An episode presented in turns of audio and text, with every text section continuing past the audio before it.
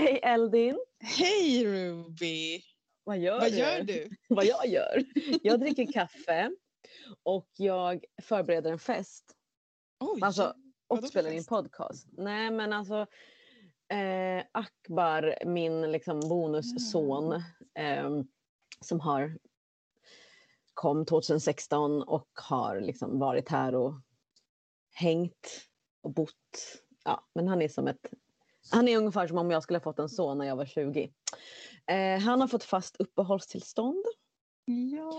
And thank God for that eftersom han skulle bli utvisad till Afghanistan. Herregud. Ja.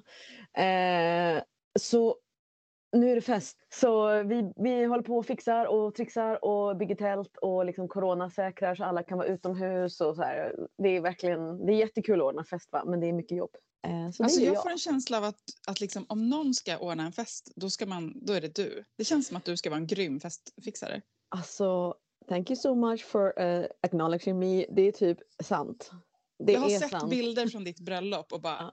Det ser ut som att det är taget ur någon slags reportage i en tidning. Man bara, är det på riktigt ens?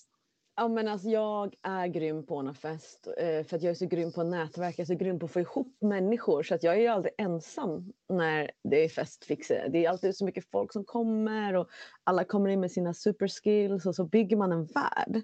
Och det är ju väldigt likt liksom, mitt prästinnearbete att jag bygger upp en värld eh, och jag bygger upp en, en, en historia, eh, magi, det som ska vara just här och nu. Liksom. Och nu Mm.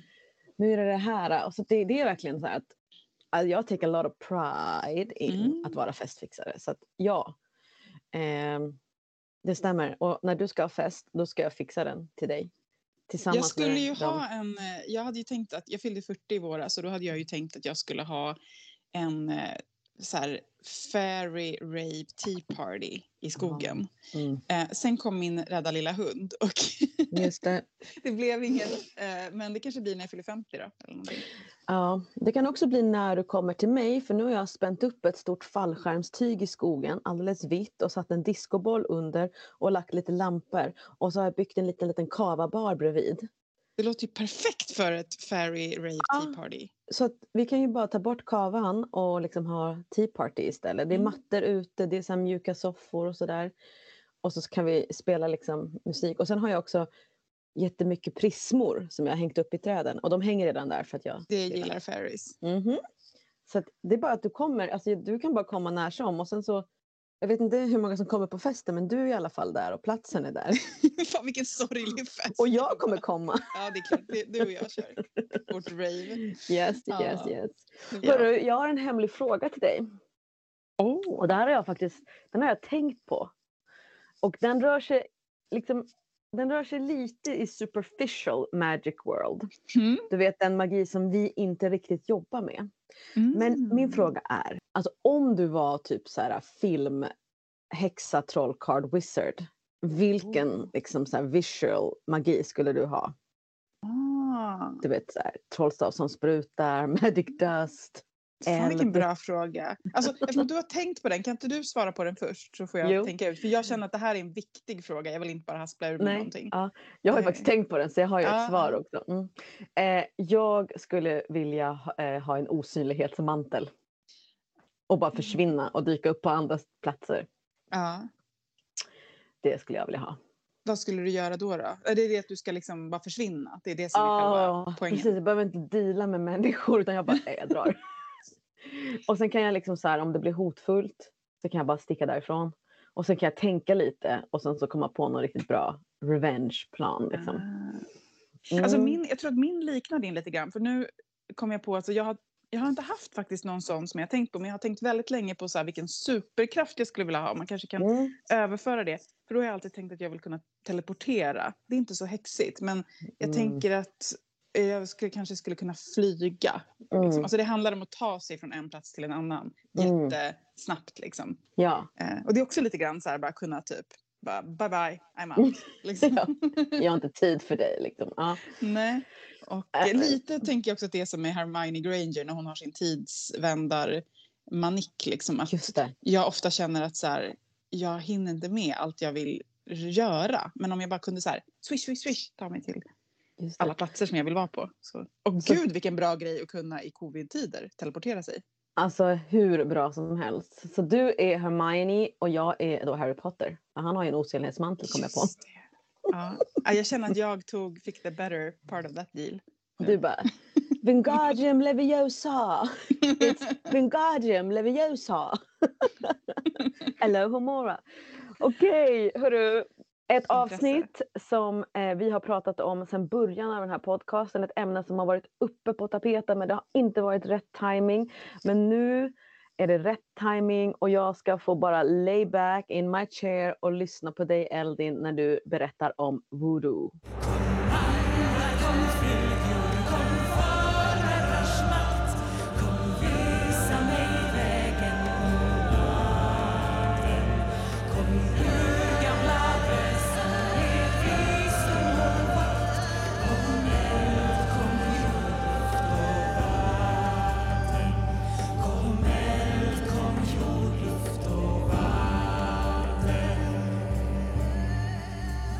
Jag tänker att många med mig kanske bara tänker vad de har sett på film. Och det känns ju som att det är säkert inte sant för fem öre. Men ja, precis. Alltså det är ju typ egentligen varför jag vill ha det här avsnittet så himla mycket och babblat så mycket om att bara, vi måste prata om voodoo. Alltså det är ju för att jag tänker så här, jag tror inte att det finns någon annan magisk praktik som är så um, alltså missförstådd. Så till vi, alltså jag menar, mycket av det vi pratar om är ju så demoniserat och folk är rädda för häxor och så här. Men jag tänker ändå att liksom häxan har fått lite upprättelse i populärkultur och liksom i Mhm. nyandlighet och så här. Men medan alltså, medans voodoo bland magiska och andliga människor fortfarande, alltså jag ser folk ryggar tillbaka när man nämner det ordet liksom. Ja. Eh, och, så att där känns det som att det är viktigt att prata om. Ehm, ja, Så jag menar, det, det som jag vet, det är att det, jag vet ju att det är, liksom, kommer ifrån eh, liksom slavhandeln eh, med afrikanska slavar från olika länder. Men, men sen, och att det liksom är väldigt stort på vissa öar. Eh, men, men, men hur, hur, hur var det liksom? Tog de med sig gudar och gudinnor och myter? Eller har det liksom, är det nytt? Har det uppstått? Är det hybrid? Ja, alltså, ja, det är det ju lite grann. Men om man ska ta historien från början eh, just om voodoo. För att, alltså jag tänker också att man måste vara lite så här specifik med begreppen. Därför att voodoo är ju en specifik religion. Det är en religion som utövas, som kommer från Haiti. Som ligger på ön som kallas för Hispaniola i Karibien. Mhm. Och sen finns det massa liknande religioner på andra öar och på andra liksom, länder. Men om vi liksom fokuserar bara på just voodoo då så börjar det med, med att den här ön Hispaniola eh, blir koloniserad av faktiskt Columbus som är mer känd för att typ inom citationstecken upptäckt Amerika. Men Mm, eh, i slutet av 1400-talet, så, alltså inne på ungefär 1500-talet, så kommer han till Hispaniola och eh, koloniserar, Spanien då koloniserar den här ön. Men det är ju massa andra europeiska länder som också är där och liksom fightas om de här koloniseringen av de här öarna. Så att Frankrike kommer och tar över halva ön. Medan Spanien har kvar den andra halvan. Eh, och det blir ju då dagens Haiti och Dominikanska republiken. Den ena har franska och den andra har spanska. Liksom. Ehm, och den kallades då inte Haiti utan den kallades Saint-Dominique. Så det är ju typ så som, om man ska berätta historien så är det liksom, just nu är det Saint-Dominique liksom ja. som den delen som vi, som vår historia är. Mm. Och var, den var ju inte obefolkad den ön, utan där bodde det ju ett urfolk som hette Taino. Som förslavades eh, av kolonisatörerna. Och eh, man anlade jättestora plantage. Eh, och det som hände där var att nästan hela den här Taino-befolkningen dog ut. Av, alltså dels liksom av slaveriet var så otroligt hårt men också för att eh, européerna tog med sig sjukdomar. Um, och då blev man, det var då som man då började eh, skeppa över slavar från Afrika, precis som du pratade om. Um, och det var från massa olika afrikanska länder. Just till Haiti, då, eller det som då hette Saint-Dominique, kom de från Benin, Nigeria, Kongo framför allt. Eh, och det här spelar ju roll för att liksom, som sagt, det beror ju lite grann på. De tar ju med sig sina religioner såklart. Så att i liksom, olika kolonier utvecklas det också olika religioner. Därför kan man inte riktigt bara prata om voodoo som ett samlingsnamn för allting, utan varje liksom, plats har sin religion. Det är liksom också en del av ett tänk, så här, rasistiskt och kolonialt tänk att så här, Afrika är typ ett land, där tror man på liksom, det här. Utan, alltså, det fanns ju helt olika religioner från de här grupperna. Så att när det liksom möttes så växte det fram liksom nya, eh, som du sa, som en blandreligion eller man kallar det för synkretism. Eh, som växte fram, men också nya liksom, föreställningar, nya andar, nya gudar som inte kom från Afrika utan som liksom uppstod i folks medvetande eller hur man nu ser på det eh, i det här slaveriet på Saint Dominique. Samtidigt som då det var såklart förbjudet och det var bara kristendomen som var tillåten att utövas. Och därför dolde man sin religion bakom kristendomen. Så att varje liksom, gud eller då ande liksom, i, i den här religionen som uppstod hade en, ett kristet helgon. Så att liksom, på altaret så hade man ett kristet helgon. Men det mm. helgonet kallades inte ja, bara nu, jungfru Maria utan den hette liksom Resoli Danto till exempel. Den liksom voodoo-anden. Mm. Och det måste jag säga, voodoo är ju då liksom det namnet på, det som upp, på den här nya religionen som uppstod. Och, och voodoo, det ordet betyder ande. Så det. det är liksom det som är i centrum för den här religionen, de här andarna, eller loas som de då heter på kreol, som är det, det liksom ett ord för ett slags blandspråk. Mm. uppstod. Men det här är ju liksom väldigt likt Kuba. Alltså att man, liksom, att man verkligen går in i den kristna, eh, den kristna liksom, eh, mytologin och bara så här, vi, vi gör så här och så ser det jättebra ut på utsidan och vi får liksom då en lite frihet. Alltså capoeira ja. är ju också en sån sak. Alltså det är så att du många... tänker på santeria? Ja, santeria och sen capoeira i Brasilien. Alltså att det är så här, att man har gömt sig bakom olika sätt att, att röra sig eller sätt att tro för att kunna behålla någonting av sitt ursprung som inte skulle mm. kunna gått annars. Så voodoo kommer, det liksom är, in, är det ett begrepp som man har lagt på senare? Nej, utan det Nej. är liksom ett begrepp mm. från den här egna gruppen. Alltså det är ah, ett, okay. ord, mm. ett ord som betyder ande. Och det mm. är helt enkelt vad de här människorna kallar sig själv, sin egen religion och de kallar sig själva för voodoo saints. Ah, alltså, okay. mm. eh, det är liksom eh, ja, en voodoo-troende person kallar sig för. Liksom. Mm. Eh, och, och, men, många uppfattar ju också sig själva som kristna.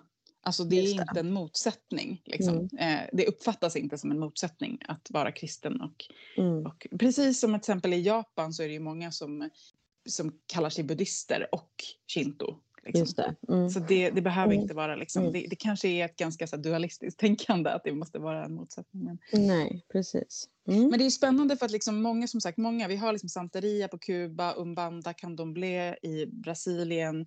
Eh, jag visste inte att capoeira också var, hade en religiös bakgrund. Jo, den har en religiös bakgrund, eh, och, men också är en kampsport och dans. Mm. Det kanske är Umbanda eller Candomblé då? Eller ja, det kanske det är. Jämföras med. Men det som också är spännande med just voodoo eh, på Haiti är ju det som händer sen. Därför att som sagt, det här, så, så här långt så är det väldigt lika i alla de här, eh, på alla de här platserna som koloniseras och där det liksom finns en stor eh, slavpopulation. Men det som hände eh, på Haiti var ju eh, den haitiska revolutionen. Strax efter franska revolutionen, eh, som ju de flesta vet var 1789. Men 1791 är året som alla häxor ska känna till. För det är den haitiska revolutionen. Just och det. är ju den enda lyckade slavrevolutionen i mänsklighetens historia.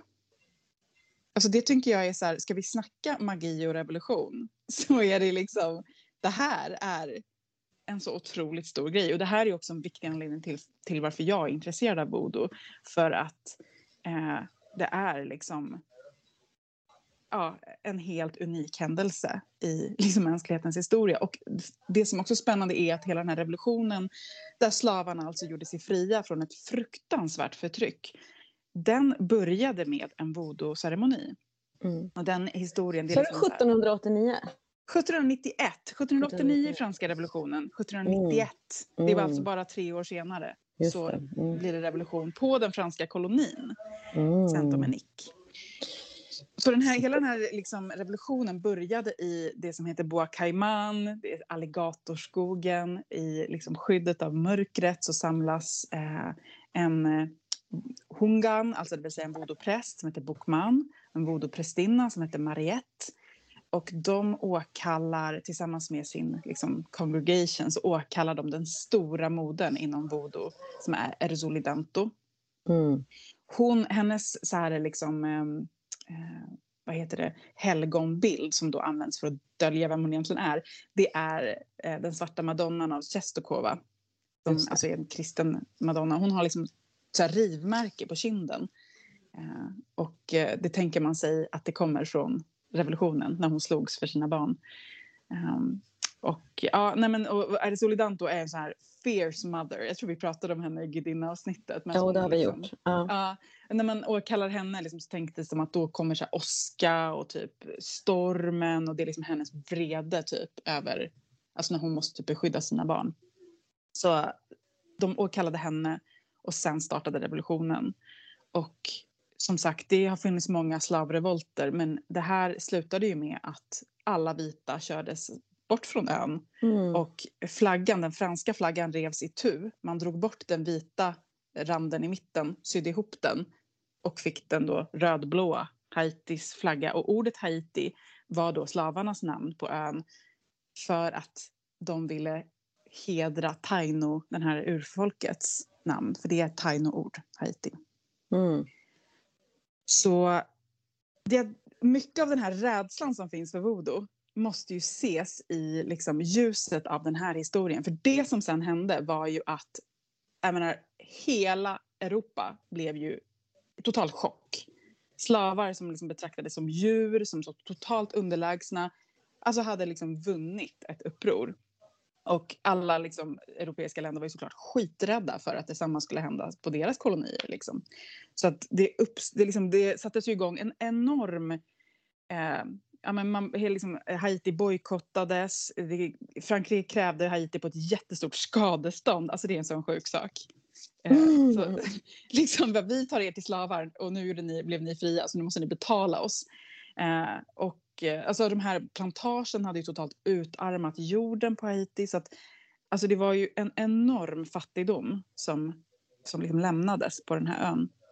Samtidigt som den här skräckpropaganda fyllde liksom Europa och eh, ja, alla kolonier, typ Nordamerika och så här. Alltså, massa litteratur. Det, det är liksom här som den här bilden av vilden och typ voodoo som ondska växer fram i 1800-talslitteratur.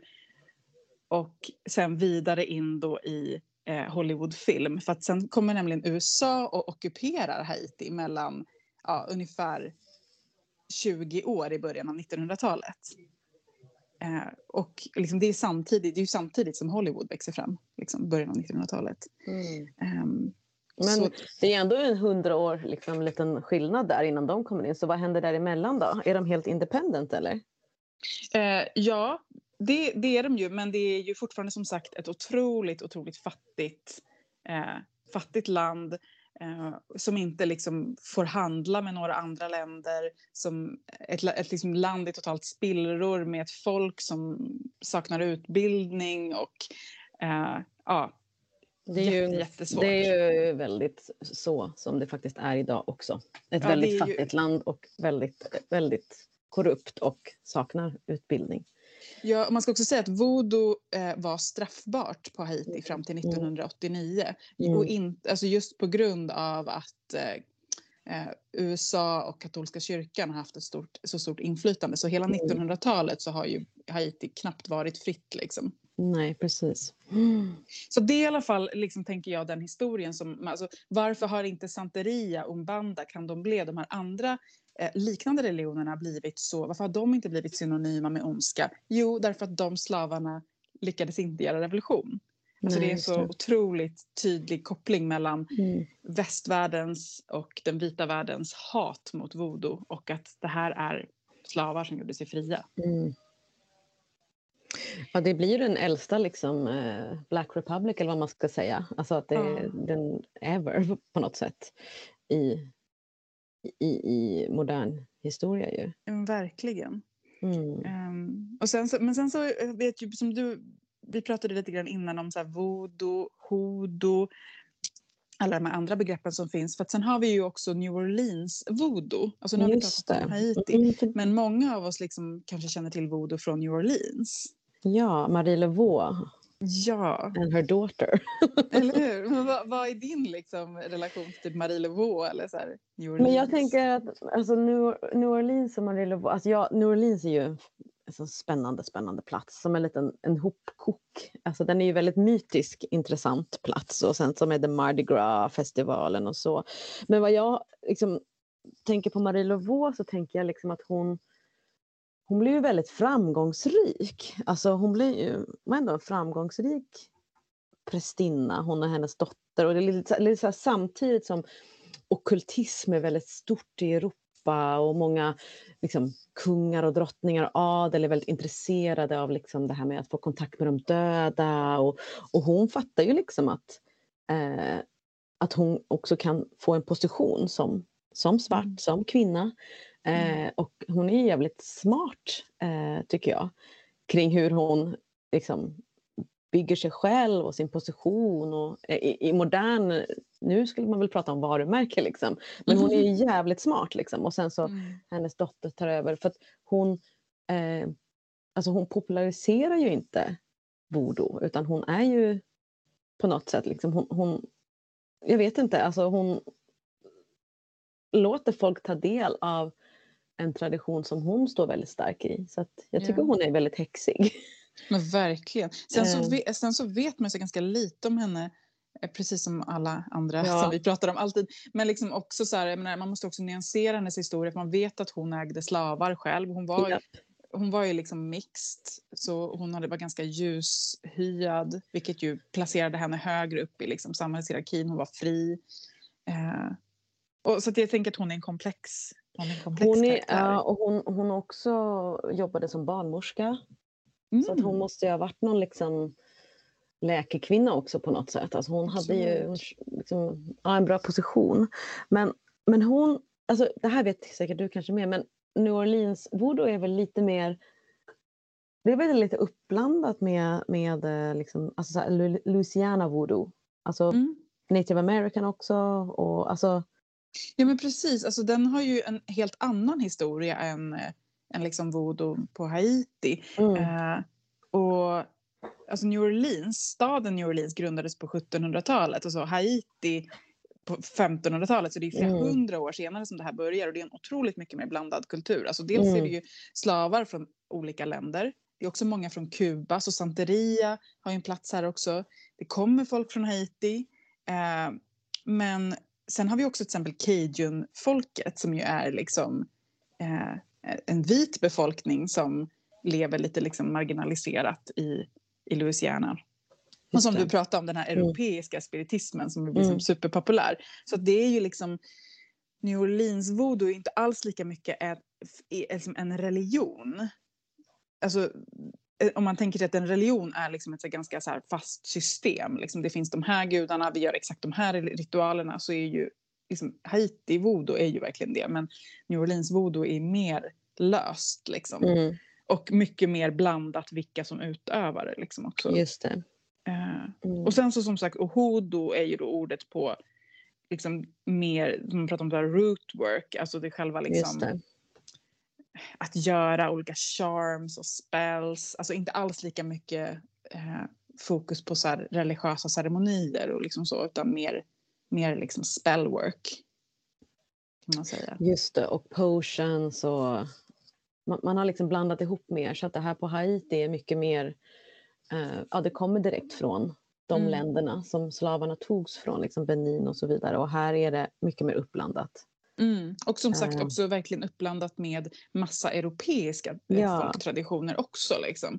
Mm. Eh, alltså också till exempel en sak som jag tycker är spännande är ju en, en liksom loa, en ande som har en koppling till min gudinna.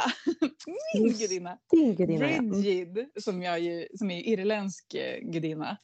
Och det var ju många liksom, irländska immigranter som kom liksom, till USA och som också kom till eh, eh, Louisiana. Och där har vi alltså en voodoo-ande som heter Mamma Brigitte. Just det. Som, som har liksom, ja, en koppling till den irländska gudinnan då. Men kan du inte prata lite om... synkretism, Prat, synkretism finns Ja. det. ja, men alltså, kan du inte berätta lite om de här loorna och de här helgona och eh, li- lite så här... Typ nämna fyra, fem stycken. Liksom. nämna- Baron Samdi och eh, är det, alltså allihopa. Just det. Ja, men alltså, Erzuli Danto har vi pratat om. Det är The Mm. Fierce Mother. Eh, och hon har ju inte... Alltså nu måste vi hålla, man måste hålla isär Louisiana då och eh, Haiti. Så nu är det Ja, Haiti. men vi går tillbaka liksom. till Haiti. Ja. Mm. Då är det ju eh, Erzuli Danto jätteviktig. Stora modern. Också eh, brukar beskrivas som bisexuell. Eh, och hon har relationer, hon är liksom inte gift, hon har relationer med både kvinnor och män i liksom, mytologin. Sen har vi Erzuli Fueda som eh, vi också pratade om i gudinneavsnittet som är en Mm. annan i den här gruppen Erzuli. Det liksom, finns många Erzulis om man säger så. Det är kanske är lite som vi pratar om diser i, i fornnordisk liksom, Mm. myt, att man har som en kategori kvinnliga väsen som kallas Erzulis. Och Erzuli Fueda är den eh, liksom kärlekens och njutningens men alltså inte på sånt här himla liksom fluffigt sätt för att hon gråter ju så här supermycket i myten och alltid missnöjd. Alltså inte det Mm. fantastiskt? Alltid missnöjd. Gud vad skönt att kunna gå till en sån vet. Ja, men alltså, det är också så himla så här, Mm. Jag känner ofta det med Loas, att de är så här... De är, jag menar, det är ju många liksom, politistiska religioner, där, menar, no, ja, verkligen i fornnordisk myt också, där att gudarna är så himla så här, felbara, liksom, att de inte är perfekta. Men det är väldigt tydligt i voodoo att liksom, är det Zuli Danto, hon får så utbrott liksom. Och hon är inte alltid så snäll mot sina barn liksom. Och sen så är det Zuli Fueda som bara är så lite bortskämd och gråter och alltid olycklig i kärlek liksom. Eh, ja, men Känns väldigt her. mänskligt. Ja, och när man offrar, hennes favoritoffer, alltså alla Loas har ju igen, precis som alla gudar i alla liksom, så här, har ju sina favoritoffer. Så att eh, Erzuli Danto, hon vill ha en svart gris. Erzuli Fueda vill ha parfym och champagne. Mm. Så, eh, Totally my kind of these. Men sen nämnde du ju Baron Samedi eh, Mm. som är ju så himla känd som så här, han har ju nästan fått liksom så här, porträttera djävulen liksom mycket i liksom de här eh, ja, rasistiska versionerna av voodoo. Men han har ju så här hög hatt och solglasögon och eh, cigarr och typ en käpp. Är det så du ser honom också? Alltså jag har sett honom med hög hatt, cigarr, eh, ja kanske käpp, det vet jag inte. Men typ i alla fall den här hatten liksom. Ja. Och att han så väldigt- röker. Ja, och lite typ lik, alltså så här liksminkad liksom, eller så här, Mm, som, en, mm. som ett skelett typ. Han hör ju till en annan grupp lås som kallas för Gedes. Där vi Mm. har olika, eh, pappa Gede eh, och ja, till exempel, det är väl det mest kända, men, men Baron Samedi är ju den lite så här mer mörka av dem. Alltså Gedes är dödsandar Mm. helt enkelt. Eh, och Baron Samedi är då liksom den kanske mest liksom tydligt så utpräglade som representerar döden. Så han är helt enkelt döden. Ja, men han är väl lite lika skändad som Satan Ja, men och verkligen. Lucifer liksom. Men, och det är så spännande för att Gedes, de är inte bara dödsandar, de är även barnens andar. Mm. Och humorns och sexualiteten. Just Jag det. tycker att det är en sån fantastisk kombination att man är i en kultur där man tycker att de här sakerna hänger ihop. Liksom. Att döden är inte liksom så här the grim reaper utan döden kommer och är så supervulgär, skämtar och också är typ väldigt så här Ja, man kallar också på Geddes i helande. De kommer också med helande och, och humor. Och, Nej, men det är också så här att, att jag har, eh, nej, men det, att jag har eh, förstått att döden också... Man är liksom... Ja, det, det är en, en fulländad av en cirkel. Du lämnar liksom jordelivet och sen så eh, gå- gå- går man liksom som familj eller som vänner till den dödes grav och liksom men, firar den och berättar vad man tycker om den och liksom verkligen så här hyllar den innan man typ ett år senare släpper själva själen Mm. fri. Eh, för att annars så blir själen olycklig. Den behöver verkligen veta att den var uppskattad och, Ja, och om man inte gör det så kan den komma tillbaks och inte vara så snäll. men verkligen. Men också så här, ja, men det känns verkligen som att, som att eh, de döda, de levande liksom, och Loas, alltså alla de här världarna som är väldigt separerade i, Mm. i vårt moderna samhälle. Mm. De, är, de lever lite, lite grann sida vid sida. Mm. Liksom alla berättelser man hör så är det ju verkligen så här, det är inget konstigt att de Mm. döda går runt. Liksom. Men det gäller ju att hålla sig väl med dem såklart. Mm. Liksom. Och en annan sak som jag också eh, har liksom förstått med inom, inom haiten voodoo är att liksom, man typ nästan matar de här uh, loas. Alltså, de, alltså you feed them. Alltså de, Mm. behöver, de här offergåvorna är ju ja, men som typ du sa, parfym och champagne och sen så liksom Och Gedes vill du ha rom och cigarrer. arom och cigarrer. Att det handlar väldigt mycket om, om den här maten. Men det, det är också för att, eh, du får rätta mig om jag har fel, men att det är också så att det blir över till de fattiga. Så att många fattiga kommer till kyrkogården efter man har, för att det finns alltid över lite grann. Det hade jag ingen man- aning om, men det, så kan det väl absolut vara. Jo, jag, jag gjorde lite research inför det här Mm. avsnittet för jag vill inte vara helt och då var det en dokumentär och, som Mm. handlade om döden i, i voodoo och att då Ja. alltså, när man har haft en större eh, liksom ritual, alltså när det har varit en, en um, unga, ungan, är det det? Press, Mm, ja, precis. unga- Ungan. ungan eller eh, mambo. Ja, och att det då har liksom, eh, alltså det finns, det finns, det finns mat. Man kan Mm. verkligen, så det är viktigt liksom att vara generös mot LOAS, men det betyder också att det finns till alla. Mm. Det, det, det Men, jag men jag tänker också att det är egentligen inte någonting specifikt för voodoo utan liksom i alla religioner, alla politistiska religioner så har Mm. man ju offrat och, Mm. och att människor också ofta tar del av offren. Liksom. Att ja. Genom att ja, man helgar offret till gudarna och sen genom att äta det så får gudarna del av det. mm. Eh, Det är ett vanligt sätt liksom, så att man höjer Mm. en skål och när man dricker den skålen, en skål till Oden och så när jag dricker den då liksom Ja. är det som att jag, Oden dricker den genom mig. Liksom. Jesu kött och blod äter vi Ja, också, så att säga. Ja. Men det är sällan det är så här, alltså jag vet inte, men det, det känns bara som att det är lite det här, åt det här vulgära, att det är mycket, alltså så här, alltså att, att, att rom och champagne och liksom. Eh, Ja, men alltså, det måste ju stuckit i ögonen på Ja, det är det jag kristna. menar. Fruktansvärt. Jätte så här, alltså bara, va, alltså vi vaskar lite champagne. Ja. Det är liksom Verkligen. väldigt rebelliskt på något sätt också, tyckte jag.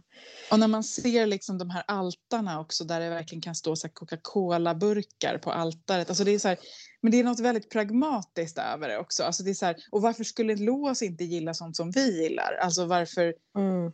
är liksom att man offrar...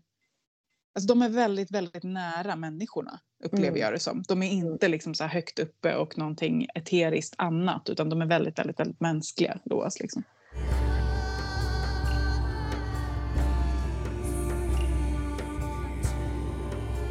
En sak som jag kan tänka mig har bidragit till att, den här, att det är läskigt och eh, svårt att förstå då för liksom, och väldigt spektakulärt för Hollywoodfilm, det är ju liksom det här med trans som är, verkar vara en väldigt stor del. Eller är det bara på? Har det bara Nej, Hollywood alltså, hittat på? Nej, verkligen inte. Utan, alltså, det är det som också... Åh, gud, nu kommer vi in på mitt bästa. Det som jag tycker är så amazing och eh, med, med hur voodoo praktiseras, just särskilt liksom i den, den religiösa biten, liksom, det är ju att Loas är så nära människor att när de kommer på en, på en ceremoni, men ofta när, när vi jobbar ceremoniellt med gudar och gudinnor så är det liksom att man kanske känner deras närvaro men in, inom voodoo så är det liksom så att Loas ska komma in i människorna och besätta dem. Alltså att man är besatt. Mm. Det är liksom härifrån det, den föreställningen inom till exempel Hollywoodfilm då, att vara possessed by Just demon. det. Liksom. Mm. Det är ju någonting som också inom kristendomen liksom anses vara så här superhemskt. Men det är själva målet med liksom en, en stor voodoo-ceremoni. Det är att Lo ska komma och inte komma på något så eteriskt sätt utan de ska verkligen in i kroppen på någon av deltagarna. Det behöver inte vara en präst eller en prästinna utan det kan hända vem som helst i liksom, eh, församlingen. Så, så liksom behöver Loan få ja, men kött och blod att liksom agera ur. Och, eh, och, och liksom för att det där ska hända så behöver ju människan först vara i trans. Eh, Just det. Mm. Så, och sen börjar ju liksom den här människan då, när den är liksom besatt av en loa, så börjar den agera som den här loan. Så den liksom, människan är ju liksom inte typ då närvarande utan mentalt, utan det är liksom loan som agerar. Mm. Uh, och, ja. Var det, var det typ det du tänkte Det var på? det jag tänkte liksom. Och sen så tänkte jag också så att det, kän, det känns också som att det, det inte behövs någon liksom, utbildning eller förberedelse utan det är inte bara prästen utan det kan vara också någon som kommer till ceremonin. Absolut, det, det har jag verkligen mm. fått förstå mm. att, liksom, ja. att det är LOAS som bestämmer vem de väljer. Mm. Så, så här, det, det kan, och det är liksom inte heller så könsbaserat, så liksom en manlig LOA kan besätta en kvinnlig mm. liksom, deltagare och tvärtom. Uh, så det, det liksom finns också den aspekten. Och jag tänker att, men det som jag tycker är spännande med det här är ju dels liksom att så här, hur nära vågar vi komma andarna och gudarna? Alltså, mm. här, varför, är det, varför är det skrämmande att tänka sig att liksom, mm. eh, komma så nära? Men också hur lik det här är det. Där ju liksom, som i princip är ju, går ju ut på exakt samma sak. Att völvan ska försättas i trans. Eh, och att liksom, någon form, något väsen ska liksom komma och prata genom völvan. Um, så det är ju liksom heller inte så här specifikt för voodoo. Uh, utan det, det liksom har demoniserats i voodoo. Men, men vi ser det i massa andra liksom, mm. sammanhang också. Det är ju någonting som på något sätt så här, finns också inom frikyrkan. Alltså ja. att tala i tungor, att liksom möta. Det är en annan hänförelse och hängivenhet än en ganska ordnat strukturerad gudstjänst inom en protestantisk eller eh, liksom, katolsk gudstjänst. Men det är liksom, kroppen. Ja, kroppen är verkligen med och kroppen är en del av det och det är liksom um, det, det är väldigt ot, otämt. Mm. Och släppa den här kontrollen som är mm. upplysningstidens mm. och den moderna samhällets liksom, viktigaste mm. eh, element. Liksom. Ja, men sen kan man, alltså, om man ska vara lite kritisk då, då så kan man ju tänka så här att um, att, det, att, att, man, att jag, jag tänker lite så här att ja men att, att det måste ju också inte få vara för eget uppsåt, precis som om man skulle säga för eget uppsåt eller liksom att ja, men nu blir jag besatt av den här äh, loan fast man kanske äntligen har en egen agenda. För det tänker jag också är så här, typ jag tänker på han eh, Papa Doc, den mm. väldigt hemska diktatorn på Haiti som använde voodoo som ett mm. vapen för att liksom, ja, trycka ner sin egen befolkning och, och, och, och, och liksom mota bort upp, eh, revolution mot honom genom att liksom så här, skrämma. Mm. Och då är ju voodoo väldigt kraftfullt. Alltså. Men frågan är, är det mer kraftfullt än någon annan religion som används av politiska ledare? Det tänker jag att det nog inte är. Men att det liksom är mer tacksamt att peka ut som Liksom. Alltså jag tänker så här, hur många, krist, hur många kristna och muslimska ledare liksom använder religionen för våld? Jo, men det är klart att man gör det, men det är också det här liksom att man... Eh, eh, man åkallar i Guds jag det, namn. Jo, men jag tycker att det går ner liksom jag går ner på folktronivå lite grann. Mm. Att det är mm. så att man kommer väldigt nära. Alltså, precis som folktro och kristendom kunde skrämma mycket fler människor i Sverige kanske för hundra år sedan. Mm. Så tänker jag liksom också att det finns den här att det, är, det blir så direkt på något sätt att så här, ja, men då kan jag utöva det här mot dig. Mm. Ja, men precis om, om folk, det som är väldigt viktigt för folket kan ju också användas som ett ja. vapen mot ja. folket. Liksom. Nej, men exempelvis det här med alltså, att man faktiskt har Alltså pappa Doc använde zombies, alltså man straffade fångar med att göra dem till zombies genom att eh, spruta det här eh, zombiepulvret som har typ gift från blåsfisken på dem. Så att deras hjärna liksom typ stängdes av och sen blev de liksom levande begravda, fick värsta chocken och sen då efter det så ska de då eh, hänge sig till en viss präst hela livet som straff. Men hur är det annorlunda mot typ kristna korståg? Liksom, egentligen? Men det är absolut inte annorlunda, det är bara det att det sker eh, liksom, det var inte för liksom, tusen år sedan eller 700 år sedan. Att det är väldigt, Alltså det, det, det, att, att det håller på nu liksom. Nej men alltså jag menar det är, det är ju inte så stor skillnad på eh, vad som händer i, i många länder just nu. Eh, att man skrämmer med religion. Men jag tänker liksom att typ om man tar ett land som, som Sverige. Eh, där jag skulle tro att det skulle vara väldigt svårt liksom att skrämmas på det sättet. Alltså det finns ju andra grejer som är livs, jävligt läskiga i det här landet. Men just det där att man kan eh, använda folktron och använda religionen eh, väldigt liksom, direkt. Alltså jag har ju mm. varit på en ceremoni eh, på, på Guadeloupe då, så det var inte mm. alls Haiti. Men där var det ju väldigt liksom eh, det var fantastiskt på ett sätt men det kändes också väldigt liksom lite så här, okej. Okay. Är det liksom full on ceremoni eller är det här lite för, vissa grejer för egen vinning? Eh, är det viktigt för varför behövde vi separera kvinnor och männen? Och jag menar, nu ska jag vara försiktig med vad jag säger för jag var där som gäst liksom, så jag ska inte.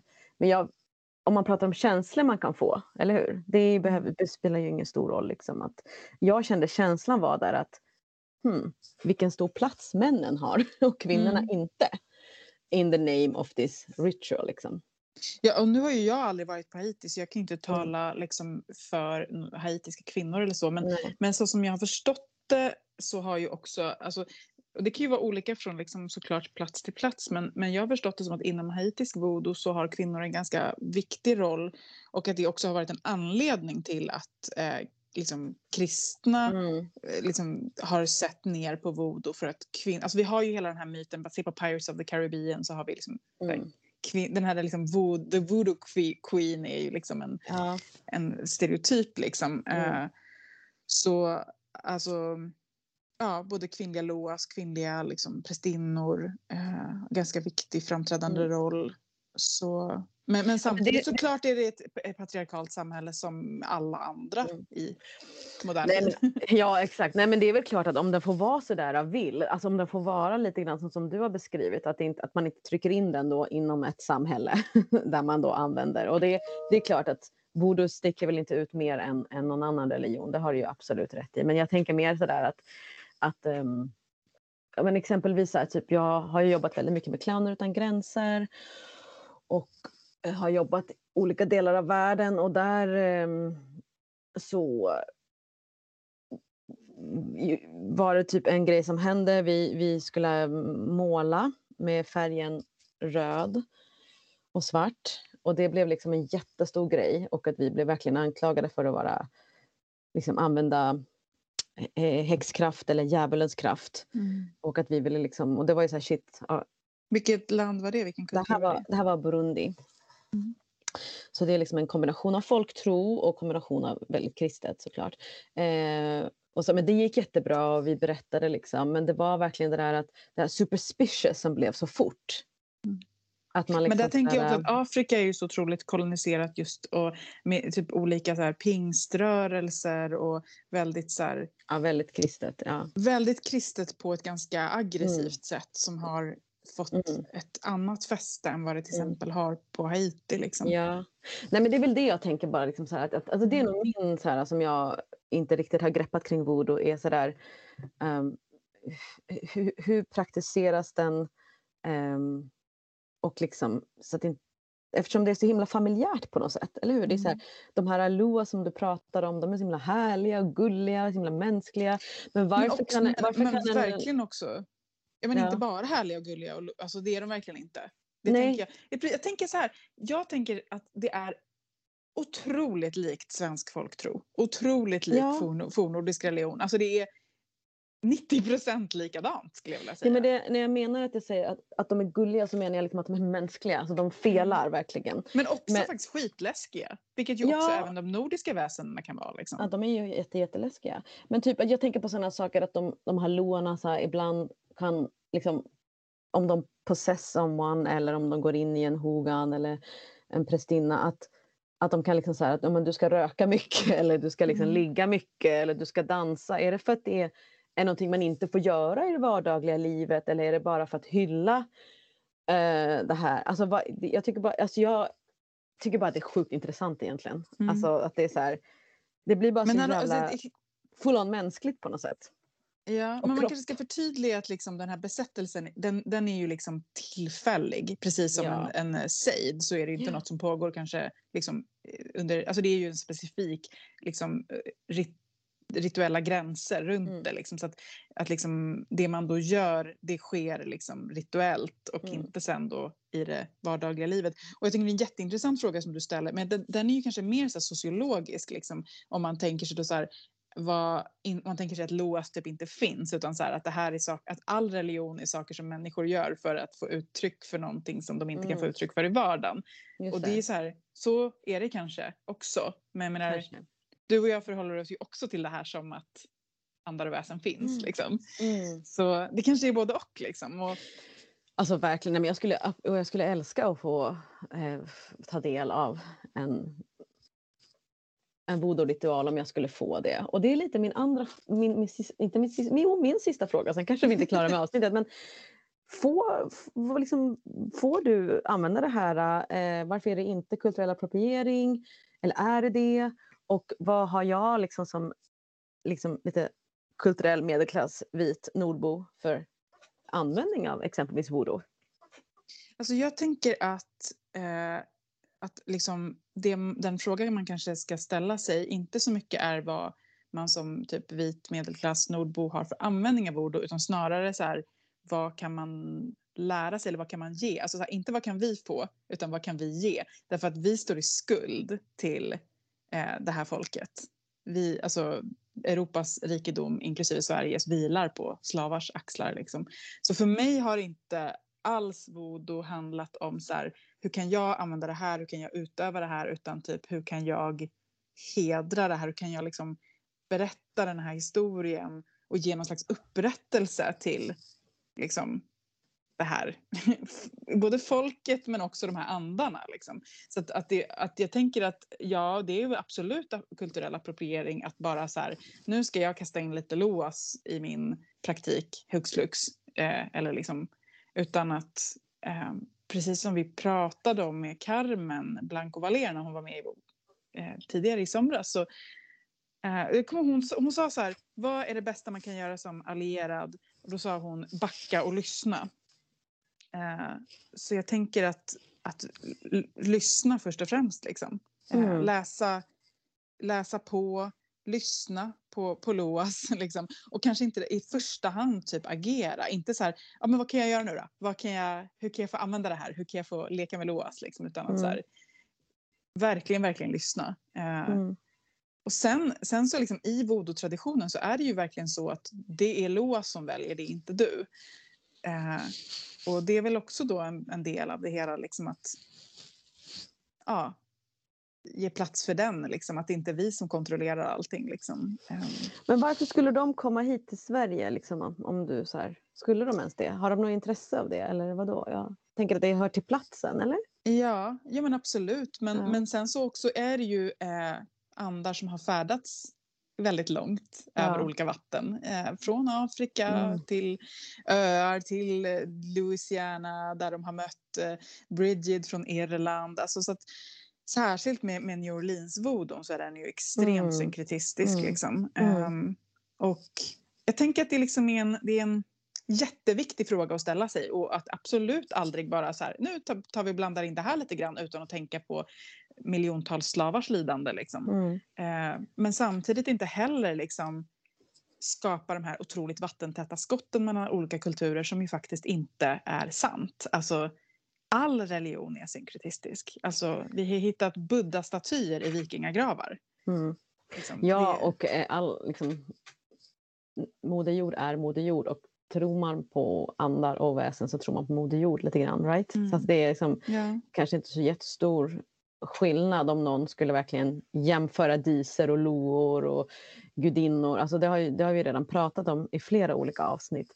Men jag tänker så här, eh, alltså det här är ju verkligen ditt sätt att hedra voodoo eftersom du, du pratar om det och kan informera och det här avsnittet kommer ju kunna liksom, mm, kommer man kunna lyssna på och sådär. Men jag tänker om man inte är religionslärare eller jätteintresserad av temat religion eller ens kan läsa, är det någonting man kan typ ta lite mer praktiskt kunna göra? Kan man, liksom, kan man, kan man göra ett litet altare och börja ta kontakt?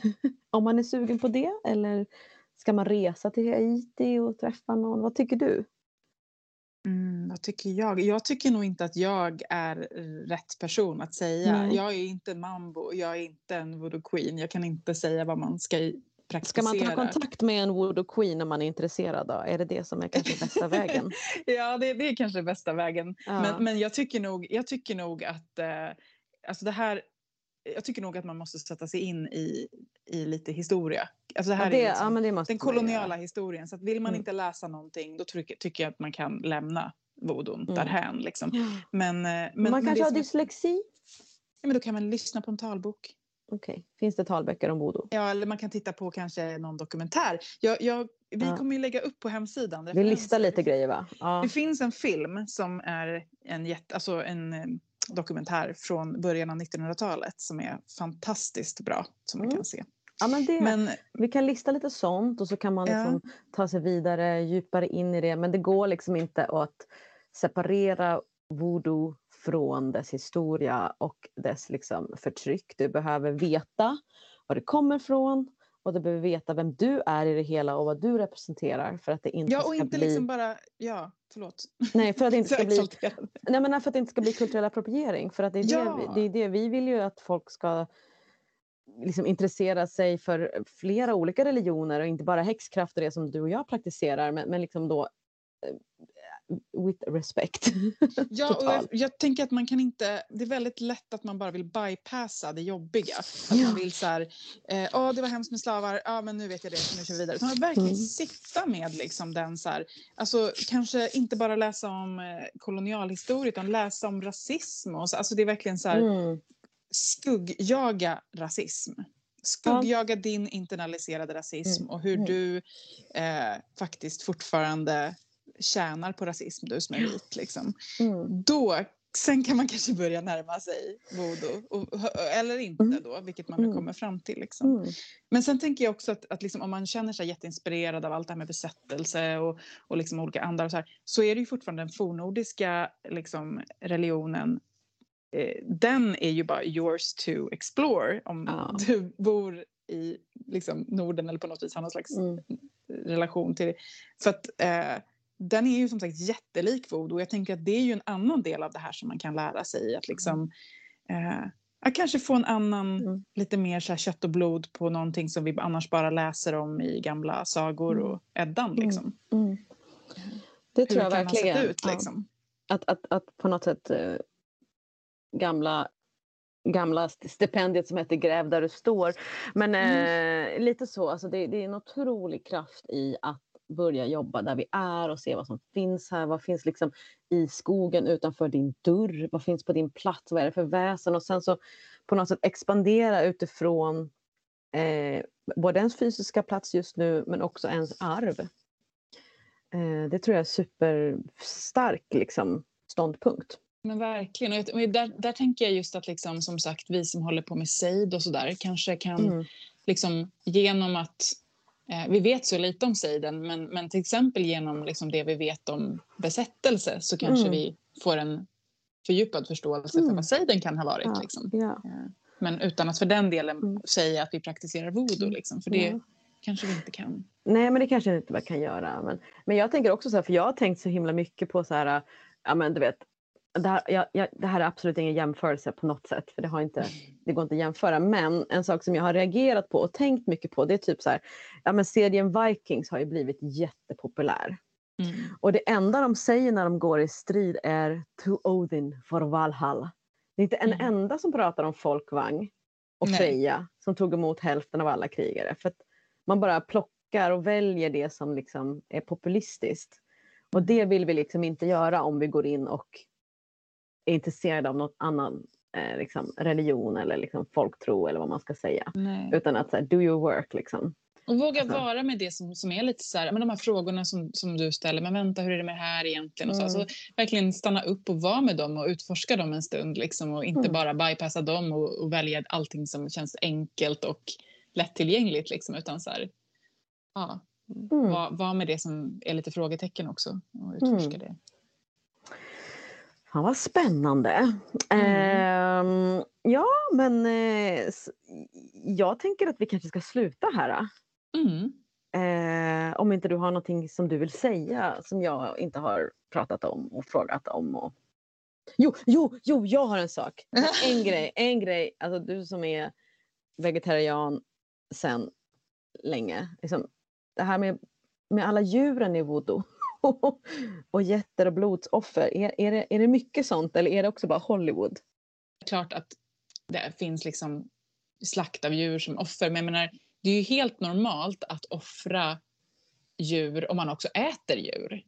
Eh, på samma, alltså det, det, har man gjort i alla kulturer, ju definitivt i fornnordisk religion också. Alltså det är inte konstigare att offra en gris än att äta en gris. Liksom. Mm, eh, så, alltså, människor offrar det som de själva, det som är värdefullt för dem och det som man använder i den, det, liksom, i den kulturen. Mm. Du Eldin, alltså stort tack för att du är så grym på att berätta om saker så att det är intressant eh, ja, och förstå, man förstår. Eh, och eh, hoppas ni liksom gillar det här, kanske går lite vidare in i alla länkar som vi kommer lägga ut. Jag tänker också att om man sitter här nu med massa frågor om voodoo och eh, liksom så här, ja men vänta det här, nu, nu vill jag veta mer, så har ju vi eh, att man kan få ställa frågor till oss om man är Patreon på mother-nivå eller uppåt. Mm -hmm. Då, kan man ju, då får man ju på något som heter Discord så kan man ställa frågor till oss och så svarar vi liksom på djupet och mm. fördjupat. Mm. Så ställ gärna frågor där. Ställ gärna frågor på Discord. Völvans spådom. Från dåtid till nutid till framtid. Vi älskar och tackar er Patreons från djupet av våra hjärtan. Tack, tack, tack. Puss, puss, puss. Ni är otroliga. Så en av de saker som vi gör för att hylla er, det är ju att varje vecka så drar vi en utav er som blir föremål för völvans spådom. Låt völvan tala. tala. Ja, den vi hedrar i völvans spådom idag är Jenny Friborg.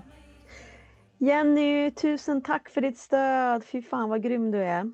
Jag fick upp en gestalt när jag satt med ditt namn Jenny som eh, såg ut som en riktig klassisk vikingadrottning med liksom fibulor, spännbucklor, stora pärlrader runt halsen. Hon stod liksom upphöjd på någon slags eh, borg och bara liksom så blickade ut över, över markerna och jag var bara så här, wow, vem är du? Och hon presenterade sig för mig som Gunhild. Mm. Känner du till Gunhild? Jag tänkte på hon vikingadrottningen som eh, liksom eh, reste till Amerika långt innan Erik den röde, men det kanske inte är samma. Jag vet inte om hon reste till Amerika. Det kanske hon gjorde. Det har jag inte hört någonting om. Det kanske, kanske var en annan Gunhild. Det kan ju vara en annan Gunhild, ja precis. Ja. Hon är mest känd som ja, drottning Gunhild eller Gunhild konungamodir alltså kunga, kungamoder. Eh, och känd från jättemånga isländska sagor, bland annat, alltså om man vill läsa vidare så Njals saga, Heimskringla, Egil Skallagrimssons saga. Eh, och hon är liksom en semihistorisk karaktär, att liksom hon eh, ja, men typ kanske var, kanske fanns i verkligheten, kanske är hon en mytologisk person. Men, eh, ja, men hon, hon är liksom den så här, största typ eh, häxdrottningen i nordisk myt mm. som är så här, beskrivs som så här, den vackraste man har sett men också typ den farligaste eller så här, trollkunniga. Eh, ja, det beskrivs jätteofta liksom hur hon eh, ja, men hon, hon blandar sig i otroligt mycket så här, politiken och verkligen så här, påverkar liksom, allt som händer. Um, och, och även när hennes man dör så är det liksom, ja, då är hon ju moder till den nya kungen och då är det basically hon som styr. Liksom. Uh, och, och, det sägs också att hon har fått sin kraft från Finland. Så att det finns någon som liksom, att hon hade hon, bott i typ en liten Hon är slavisk, hydda. ja men hon, hon har något slaviskt i sig också. Ah, det är kanske mm, mm. därför. Mm. Och sen läste jag också att hon kan shapeshifta. Att det mm. finns en myt när hon shapeshiftar till en fågel. Så uh, ja, men en otroligt så här, mäktig och fruktad som så många liksom, andra mäktiga kvinnor och eh, mäktiga häxor. Um, och liksom det som hon kom med i den här liksom, visionen var verkligen framförallt det här med makt och att stå i sin kraft och sin skönhet. För hon är också verkligen så här, ja, hon bara liksom påfallande vacker, att hon bara typ lyser. Mm. Um. Alltså, jag tänker också att hon är ju... Alltså hon är ju, är inte hon också den avgörande i något av de här stora bråken mellan vanerna och asarna? Det, du Eller, tänker nog är det en annan? På...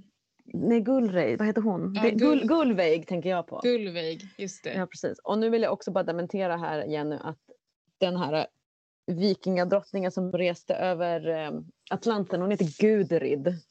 Och det är ingen mytisk person, det är en äkta, äkta, äkta yeah. människa. Äkta människa. Det är en äkta människa som faktiskt finns, inte ja. så mytisk. Ja, men men det alltså... lärde vi om ännu fler mäktiga, mäktiga liksom personer. Gullveig, Gun, vad hette hon? Gu, Gudrid. Gu, ja, Gudrid Torbjörnsdottir. Ja. Ja. Fick vi ännu fler på köpet.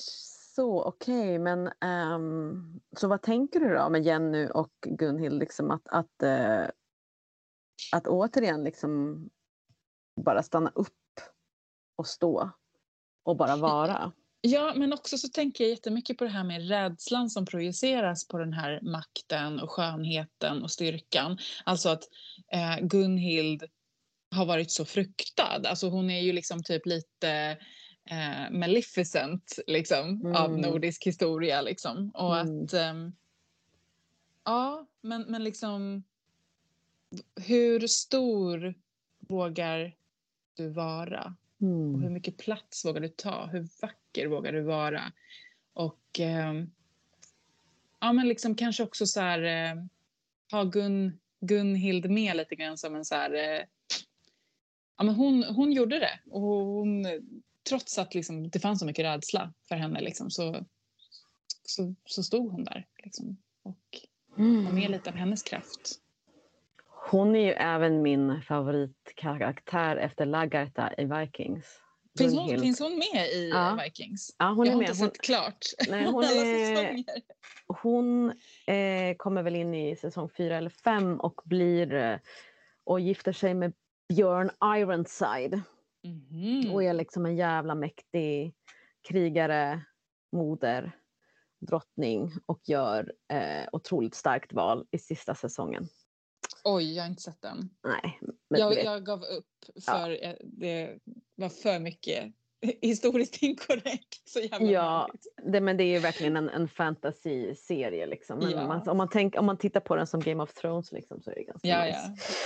ja, ja. Och det är men. ju också så att eh, eh, min guilty pleasure Ragnar finns ju med i Ja, han dör ju i säsong fyra så det är därför som du Slutade inte kollat. Ja, jag tror det är därför din lilla Ja, Ragnar ja. Lothbrok. Okej okay, Jenny, tusen tack. Tusen, tusen tack.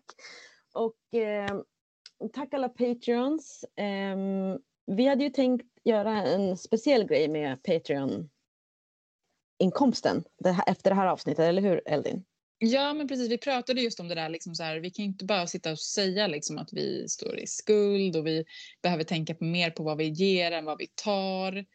Eh, och då tänkte vi så här, vad kan vi ge förutom att liksom prata om det här? Eh, och det har ju precis skett en jättestor jordbävningskatastrof på mm. Haiti mm. när vi spelar in det här avsnittet. Så vi tänkte att, eh, att vi ger de pengar vi får in via Patreon den här månaden, att vi, att vi skänker dem till eh, krishjälp på Haiti. Mm. Så vill man, eh, vill man dels stödja podden och vill man också liksom passa på att eh, ja, skänka lite pengar genom oss så gör vi det från Förmödrars Patreons den här månaden. Mm. Mm. Tills vi ses igen, jag bara önskar dig god svamplycka Eldin. Tack så mycket. Hej då! Kram, kram. Hej då!